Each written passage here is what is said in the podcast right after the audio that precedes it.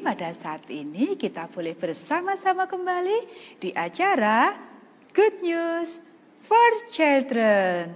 Nah, anak-anak pada saat ini kita masih berada di suasana yang sangat istimewa. Karena apa? Karena sepanjang sebulan ini dalam rangka Hari Pendidikan Nasional, acara Good News for Children semuanya diisi atau yang melayani adalah dari berbagai sekolah yang ada di Konferensi Jawa Kawasan Timur. Kalau yang lalu kita sudah berjalan-jalan ke Madiun, bertemu dengan teman-teman kita dari sekolah Advent Immanuel Madiun, kemudian kita berjalan-jalan ke Surabaya bersama-sama dengan teman-teman kita dari perguruan, perguruan Advent Anjas Moro, pada saat ini kita akan berjalan-jalan ke tempat yang lebih jauh. Kita akan menyeberang, kita akan ke Pulau Bali. Dan pada saat ini, sore hari ini, yang akan melayani acara Good News for Children pada saat ini adalah teman-teman kita dan juga ibu guru dari Sekolah Advent atau Perguruan Advent Permata Ibu Denpasar, Bali. Sangat luar biasa ya anak-anak, untuk itu jangan ke mana-mana karena kita akan bersuka cita bersama-sama. Kita akan memuji Tuhan, belajar firman Tuhan di acara Good News for Children.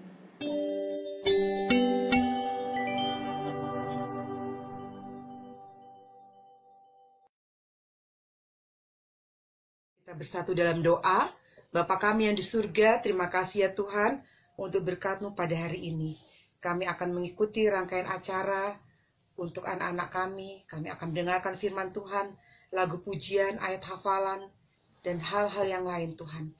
Biarlah acara ini boleh membawa anak-anak kami memiliki karakter seperti Yesus Kristus. Mengubah pribadi mereka sesuai dengan Yesus Kristus. Pimpin acara kami Bapa, ampuni dosa pelanggaran kami, dalam nama Tuhan Yesus Kristus yang telah menjadi juru selamat kami. Amin.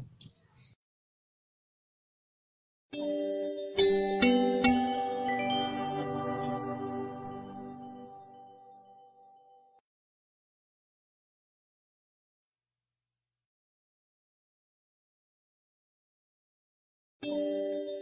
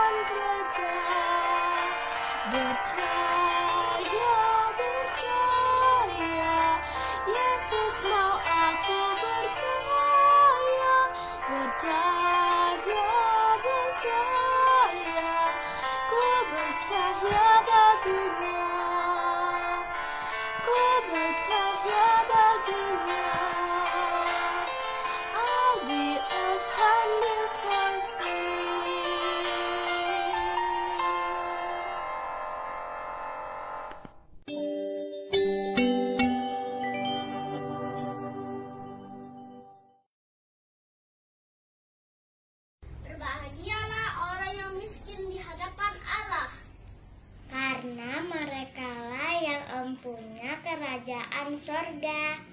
Berbahagialah orang yang berduka cita. Karena mereka akan dihibur. Berbahagialah orang yang lemah lembut. Karena mereka akan memiliki bumi. Berbahagialah orang yang lapar dan haus akan kebenaran. karena mereka akan dipuaskan. Berbahagialah orang yang murah hatinya, Karena mereka akan memperoleh kemurahan. berbahagialah orang yang hatinya suci, Karena mereka akan melihat Allah. Berbahagialah orang yang membawa damai. Karena mereka akan disebut anak-anak Allah. Berbahagialah orang yang dianiaya oleh sebab kebenaran. karena mereka yang mempunyai kerajaan surga. Berbahagialah kamu jika karena aku kamu disela dan dianiaya. Dan kepadamu difitnahkan segala yang jahat. Bersukacita dan bergembiralah karena upahmu besar di surga. Sebab demikian juga telah dianiaya nabi-nabi yang sebelum kamu.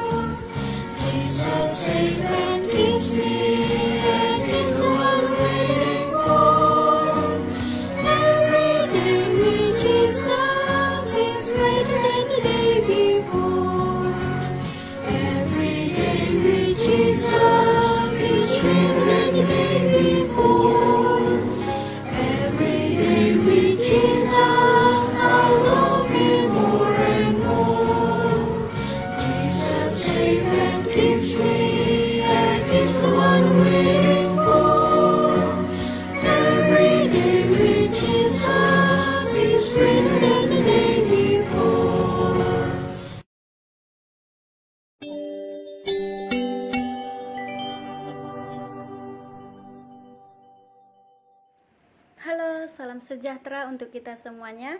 Pada kesempatan yang indah ini, saya Miss Novita akan memberikan sedikit informasi namun manfaatnya yang sangat banyak yang perlu kita ketahui yaitu dengan topik The Power of the Smile. Jadi kita akan membahas tentang manfaat atau kekuatan yang ada di dalam senyuman ini terhadap kesehatan kita.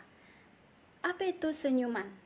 Senyuman merupakan suatu ekspresi wajah yang terjadi pergerakan di antara bibir kita ataupun di antara sekitaran mata kita.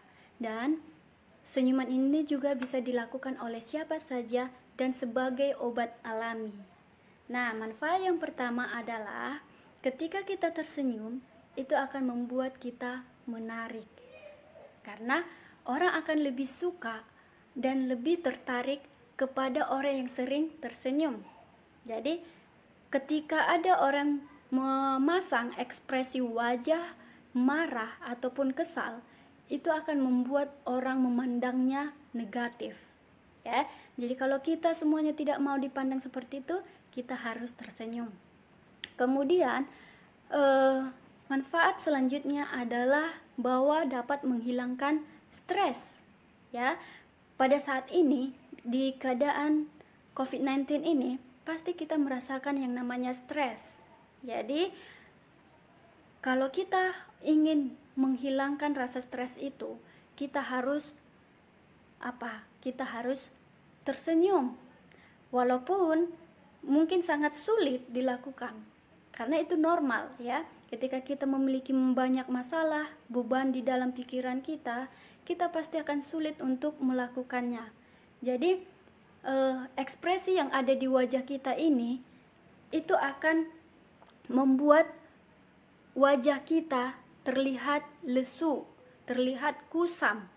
Jadi, kalau kita tidak mau terlihat kusam wajah kita ini, kita harus tersenyum.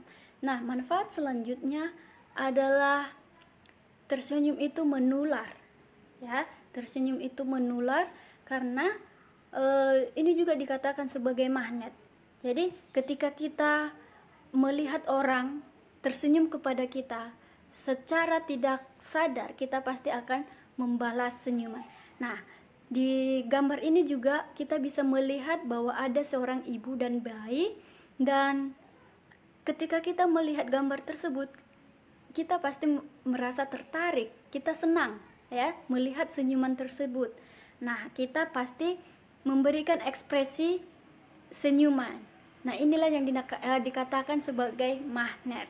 Nah, jadi e, senyuman itu dapat menular karena terjadi e, suatu yang ada di dalam otak manusia itu dapat bertanggung jawab ya. Ada yang bertanggung jawab untuk mengontrol ekspresi wajah kita dan itu dapat merespon secara otomatis tanpa disadari oleh manusia tersebut. Kemudian, manfaat selanjutnya adalah meningkatkan daya tahan tubuh. Ya, tersenyum dikatakan dapat meningkatkan sistem kekebalan tubuh karena apa? Itu bisa terjadi akibat uh, tubuh kita ini merasa rileks ya berkat pelepasan neurotransmitter. Ya, neurotransmitter ini merupakan sebuah senyawa kimiawi yang ada di dalam tubuh kita yang bertugas untuk menyampaikan pesan antara satu sel saraf ke sel saraf target di otot ataupun di bagian-bagian tubuh kita. Itulah yang dikatakan bahwa dapat meningkatkan kekebalan tubuh kita. Kemudian manfaat selanjutnya adalah bahwa tersenyum dapat menurunkan tekanan darah. Ya, menurunkan tekanan darah. Jadi orang yang pada saat ini mengalami hipertensi sering-seringlah tersenyum. Ya, lebih santai, lebih rileks. Karena kebanyakan orang yang hipertensi selain daripada makanan itu diakibatkan karena sering uh, emosi atau dia sering marah. Ya. Jadi ketika kita marah, uh, denyut jantung kita itu akan berdetak dengan cepat jadi itu yang bisa menimbulkan serangan jantung. Jadi kalau kita tidak mau menjadi orang yang penyakit jantung, kita harus mengurangi kemarahan kita ya. Jangan sering-sering marah. Kemudian eh, manfaat selanjutnya adalah terlihat lebih muda. Siapa di sini yang mau disebutkan atau dinobatkan sebagai orang yang muda? Pasti semuanya ya. Jadi kita bisa bandingkan di, kedua eh, gambar tersebut yang Miss bagikan ini. Orang yang pertama yang memakai baju hitam itu mukanya tidak cerah ya, berbeda dengan yang yang satunya. Jadi kalau orang yang suka marah, orang yang suka menggunakan wajah murung, maka terjadinya suatu eh, apa kerutan-kerutan yang ada di sekitar wajah, terutama di kening, di pipi ataupun di sekitaran mata. Pasti ada kerutan-kerutan. Jadi eh, kita perlu juga memelihara wajah kita dengan cara mm, menggunakan skincare ya. Nah, dan paling utama adalah kita harus sering-sering tersenyum supaya karena itu beda ya auranya itu beda dengan orang-orang yang eh, menggunakan skincare. Jadi percuma juga menggunakan skincare kalau orang tersebut suka marah, ya suka menggunakan atau memasang wajah yang masam terhadap orang. Jadi orang juga nggak nyaman kepadanya, ya. Jadi senyumlah kalau kita mau ingin lebih awet muda. Nah manfaat selanjutnya adalah, oh ya sebelumnya coba kita perhatikan di sini ya. Saat cemberut ada 43 otot yang bekerja. 43 otot yang bekerja. Sementara saat tersenyum otot yang bekerja hanya 17. Coba kita bandingkan ya, lebih banyak otot-otot yang bekerja ini ketika kita marah. Itulah makanya kalau eh, adanya kerutan-kerutan yang ada di wajah kita. Itu yang disebabkannya. Nah, kemudian selanjutnya adalah membuka jalan menuju, kesuksesan. Ya. Jadi orang yang suka tersenyum ini ada uh, orang sudah ada memberikan penelitian bahwa uh, orang yang suka tersenyum itu terlebih dia dia lebih terlihat uh, percaya diri dan memiliki kemungkinan untuk lebih cepat dipromosikan ya atau karirnya lebih baik. Nah, orang yang sering tersenyum akan terlihat lebih menjanjikan ya, lebih menjanjikan. Terus uh, ini akan membuat jalan kehidupannya atau perjalanannya itu lebih enak lagi ya, lebih sukses. Jadi kita harus kalau kita mau menjadi orang yang sukses, kita pelihara senyuman yang sudah Tuhan berikan kepada kita. Kemudian membuat selalu berpikiran positif. Ya. Manfaat berikutnya membuat selalu berpikiran positif. Jadi walaupun kondisi kita sedang sedih kita mencoba untuk tersenyum, itu akan membuat uh, atau menimbulkan pikiran-pikiran positif yang ada di dalam otak kita. Jadi itu dapat berguna untuk uh, menghindari ya, menghindari dari stres, depresi dan juga hal-hal negatif lainnya. Jadi biarlah kita boleh tersenyum daripada kita tersenyum uh, maksudnya daripada kita membayar obat untuk uh, perawatan ketika kita sudah sakit, lebih baik kita mulai sekarang itu mencoba untuk tersenyum supaya otak pikiran kita ini uh, bekerja dengan baik. Ya.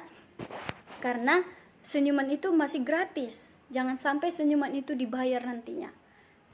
Kemudian, manfaat selanjutnya adalah oh ya ini uh, sebagai kesimpulan ya kesimpulan yang boleh Miss sampaikan yaitu Miss ambil dari kejadian 4 ayat 7 yaitu apakah mukamu tidak akan berseri jika engkau berbuat baik tetapi jika engkau tidak berbuat baik dosa sudah mengintip di depan pintu.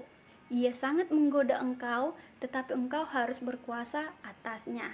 Jadi ketika kita memberikan suatu senyuman karena senyuman itu itu sudah merupakan kebaikan ya karena sudah menjadi hmm, sesuatu hal yang dapat menyenangkan orang lain juga memberikan kenyamanan.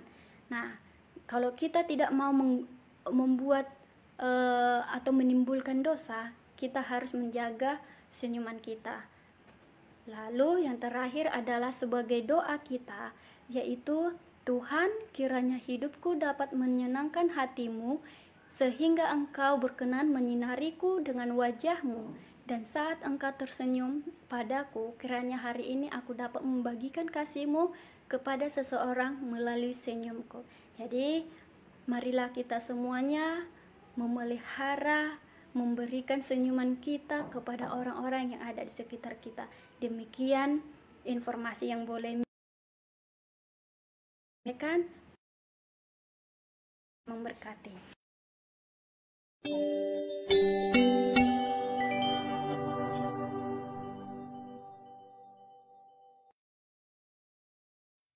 Sekarang tibalah saatnya kita untuk belajar firman Tuhan. Mari kita siapkan Alkitab kita dan berdoa dalam hati.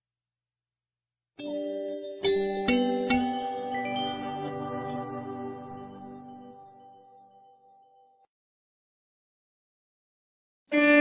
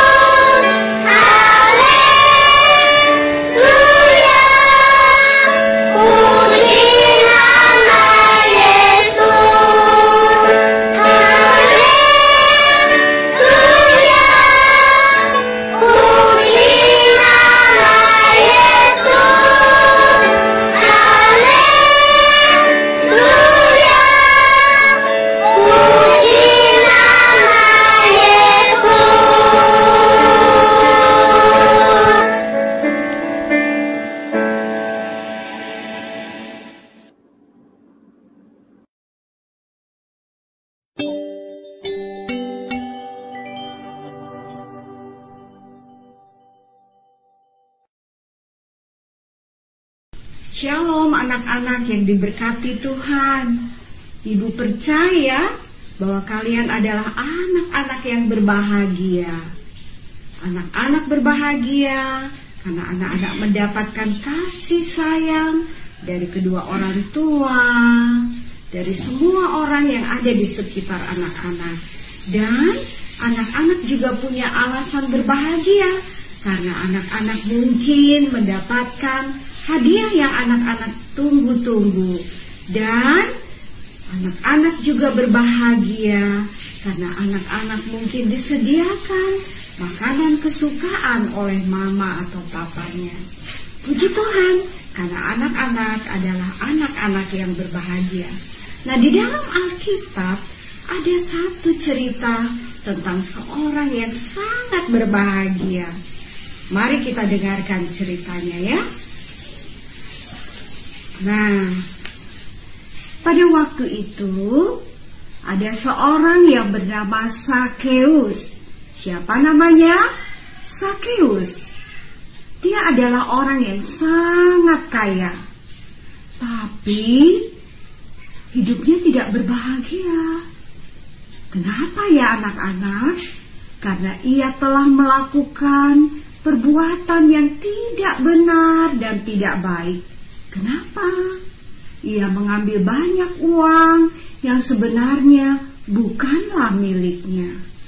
Nah, pada suatu hari Sakeus mendengar bahwa Yesus akan datang ke kota tempat Sakeus tinggal. Sakeus ingin sekali melihat Yesus. Karena apa? Karena Sakeus mendengar ada banyak sekali cerita tentang Yesus yang ajaib. Ada banyak mujizat yang Yesus lakukan.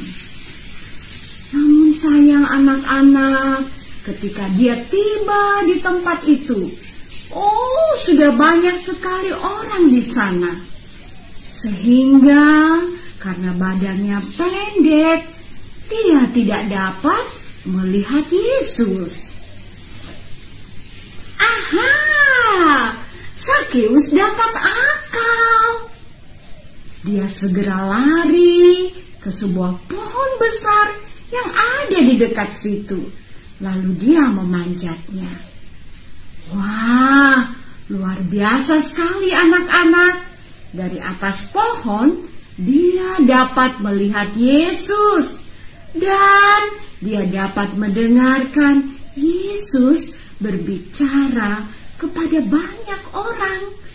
Nah, anak-anak yang diberkati oleh Tuhan, apakah Yesus tahu bahwa Sakeus ada di atas pohon? Tentu saja, Yesus tahu Sakeus ada di atas pohon. Lalu Yesus mendekati pohon dan dia pun mulai memanggil Sakeus. Yesus berkata, Sakeus, turunlah. Aku ingin berkunjung ke rumahmu. Wah, senang sekali. Yesus tahu namaku, kata Sakeus. Tentu Yesus sangat mengasihi aku. Puji Tuhan. Dan dengan sukacita, Sakeus pun menyambut Yesus di rumahnya. Sakeus mengasihi Yesus. Sakeus menyesali dosa-dosanya. Dia ingin sekali mengembalikan semua uang yang sudah diambilnya. Dan dia berjanji untuk memberikan uangnya kepada orang-orang yang miskin karena dia mengasihi Yesus. Anak-anak yang diberkati Tuhan, pada hari ini ayat tema kita anak-anak dapat buka di dalam 1 Yohanes 1 ayat 9. Maukah anak-anak membuka Alkitab anak-anak bersama-sama dengan ibu yang terdapat di dalam 1 Yohanes 1 ayat 9. Mari kita baca bersama-sama. Jika kita mengaku dosa kita, maka ia adalah setia dan adil. Sehingga ia yaitu Yesus akan mengampuni segala dosa kita dan menyucikan kita dari segala kejahatan. Itulah yang membuat Sakeus berbahagia Dan itu jugalah yang kiranya membuat kita semua, membuat anak-anak yang diberkati Tuhan ini berbahagia. Terima kasih, Tuhan Yesus memberkati. Amin.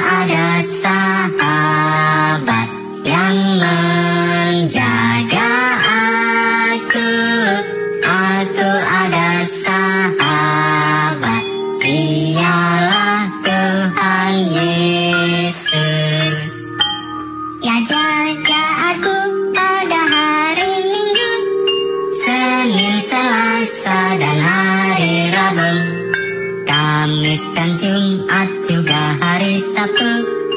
Pujilah Tuhan sepanjang minggu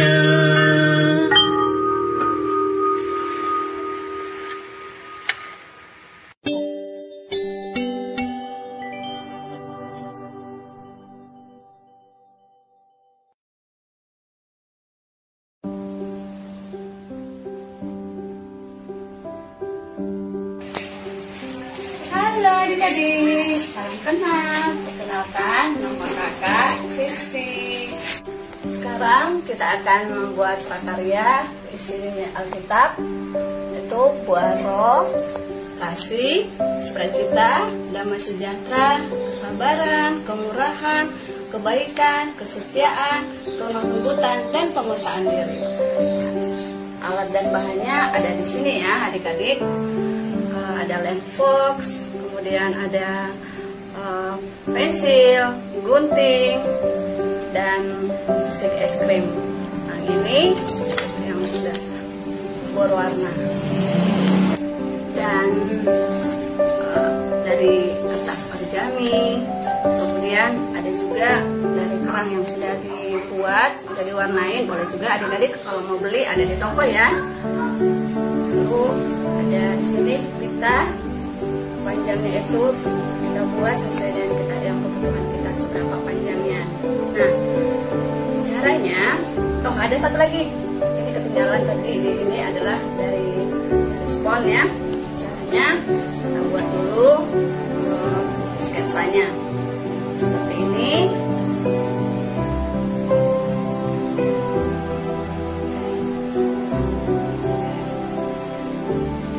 Oke, lalu kita kita gunting ya.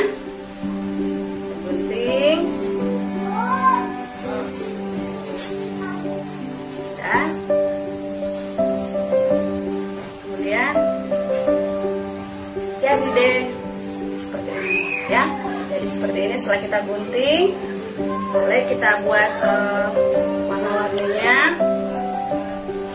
Serah kita mau bikin seperti apa. Kakak semuanya warna merah ya.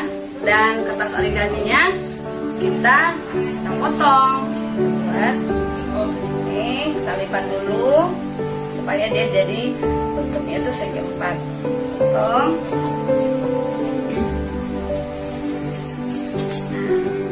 lagi lipat lagi. Seberapa yang kita mau besarnya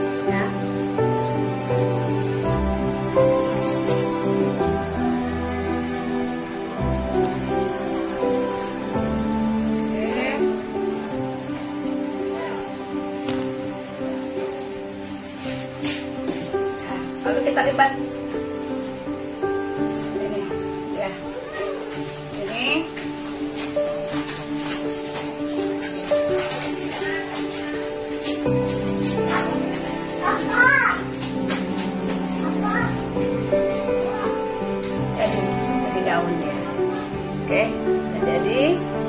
Tuh. Ini sticknya ini. Kan ini kelihatan besar ya? Kita buat eh, kita gabungkan ya supaya jadi dia sedikit besar. Nah, kita lem pakai box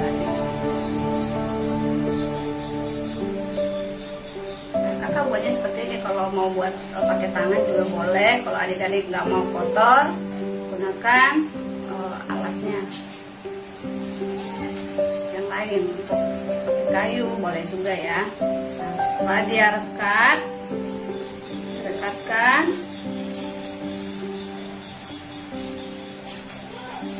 Ya jadi seperti ini ya adik-adik. Kita tempelkan adik-adik boleh mau ayat hafalannya itu apa saja boleh. Di sini kakak ambilnya ayat eh, alkitabnya itu dari Tesalonika 5 ayat 17 nah pita yang tadi kita buat supaya lebih kelihatan cantik kita buat seperti ini adik-adik. Kita gunting. Oke kita rapikan dulu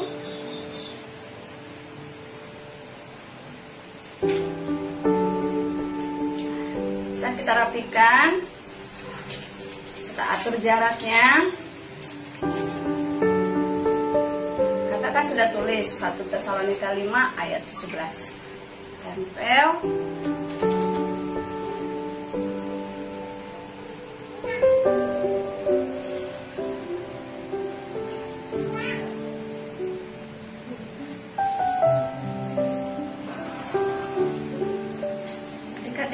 adik-adik boleh atur ya jaraknya supaya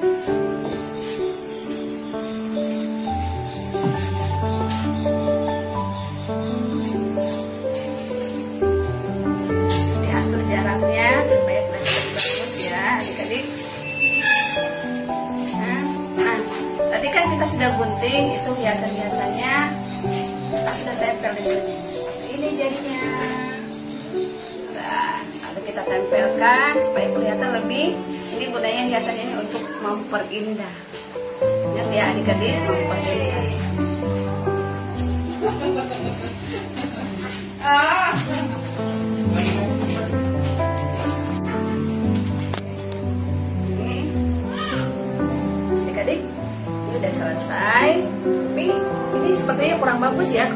Kalau tidak ada hiasannya, gimana caranya? Nah, tadi yang hiasan-hiasan yang tadi yang sudah kakak tunjukin, ya daunnya yang sudah tempel seperti bunga-bunganya.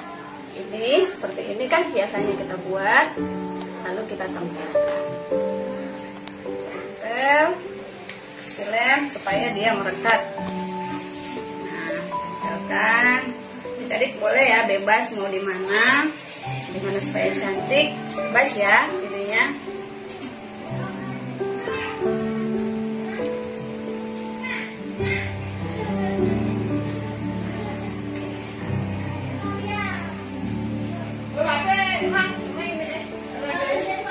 Oke, sekarang sudah jadi. Coba, ini dia hasilnya seperti ini. Ya, adik-adik boleh praktekkan di rumah. Jadi bahan-bahannya itu yang yang mudah saja, tidak mahal tapi bermanfaat. Jadi prakarya ini bisa menolong adik-adik untuk menghafal ayat Alkitab. Selamat mencoba adik-adik. Yesus memberkati. Bye-bye.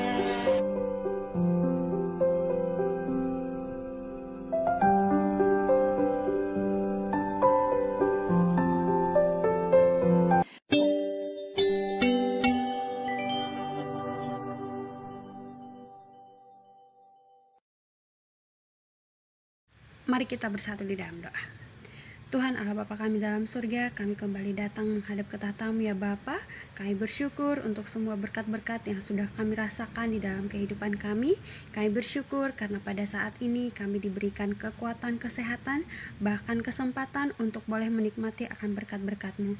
Ya Bapa dalam surga, kami pun mengakui bahwa kami ini manusia yang lemah, banyak sekali dosa-dosa yang kami lakukan yang tidak berkenan di hadirat-Mu, yang telah menyakiti sesama kami, baik itu melalui pemikiran kami, tindakan kami, perkataan kami, dan banyak hal yang kami lakukan yang telah menyakiti hatimu. Ampuni kami dan tetap ajari kami untuk boleh berpaling kepada Bapa, meninggalkan hal-hal yang tidak baik di hadiratmu. Ya Bapa dalam surga, terima kasih untuk firman Tuhan yang sudah kami dengarkan. Bila kiranya kuasa roh kudus boleh menjadi bahagian kami, menuntun kami, mengajari kami, memampukan kami untuk boleh melakukan akan firman Tuhan.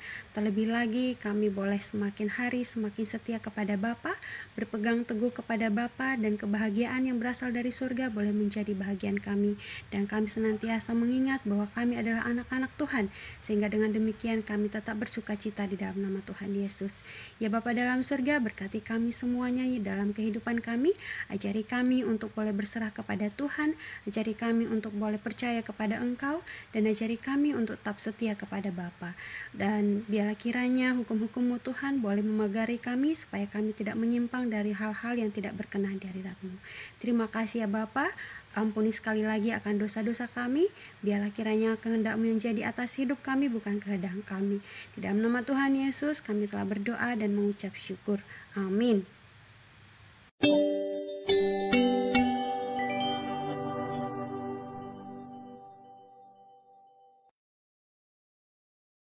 Bagaimana anak-anak?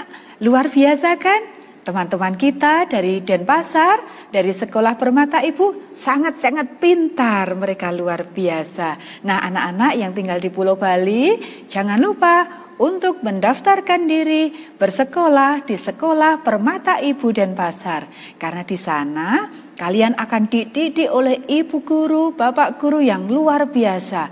Mereka guru-guru yang sabar, guru-guru yang berdedikasi, dan mereka guru-guru yang takut akan Tuhan. Sehingga kalian akan dididik bukan hanya di bidang akademis, tetapi kita akan dibawa, kalian akan dibawa untuk menjadi anak-anak yang menurut, anak-anak yang takut akan Tuhan.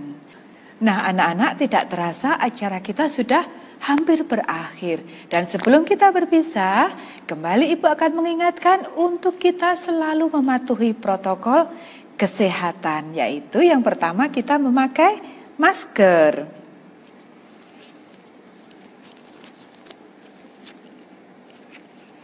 Kemudian yang kedua kita rajin mencuci tangan. Yang ketiga kita menjaga jarak. Yang keempat kita mengurangi mobilitas di luar rumah. Kalau tidak penting lebih baik di rumah saja ya. Dan yang terakhir yang kelima kita menghindari kerumunan. Nah pada saat ini saya Ibu Istinartanti mengucapkan terima kasih. Kita sudah bersama-sama di sore hari ini. Saya juga mengucapkan terima kasih untuk Sekolah Permata Ibu Denpasar. Untuk anak-anakku semuanya, juga Ibu Guru yang sudah melayani kita pada sore hari ini. Kita akan bertemu kembali minggu depan di acara yang sama yaitu di di acara Good News for Children setiap jam 3 sore ya jangan lupa kita akan bersuka cita bersama-sama. Selamat sore, Tuhan memberkati.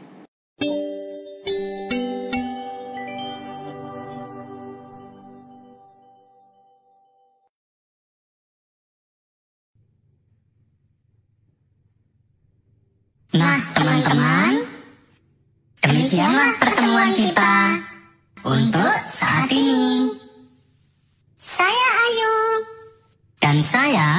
bagus, mengucapkan terima kasih. Sampai jumpa. Salam sehat. Tuhan memberkati kita semuanya.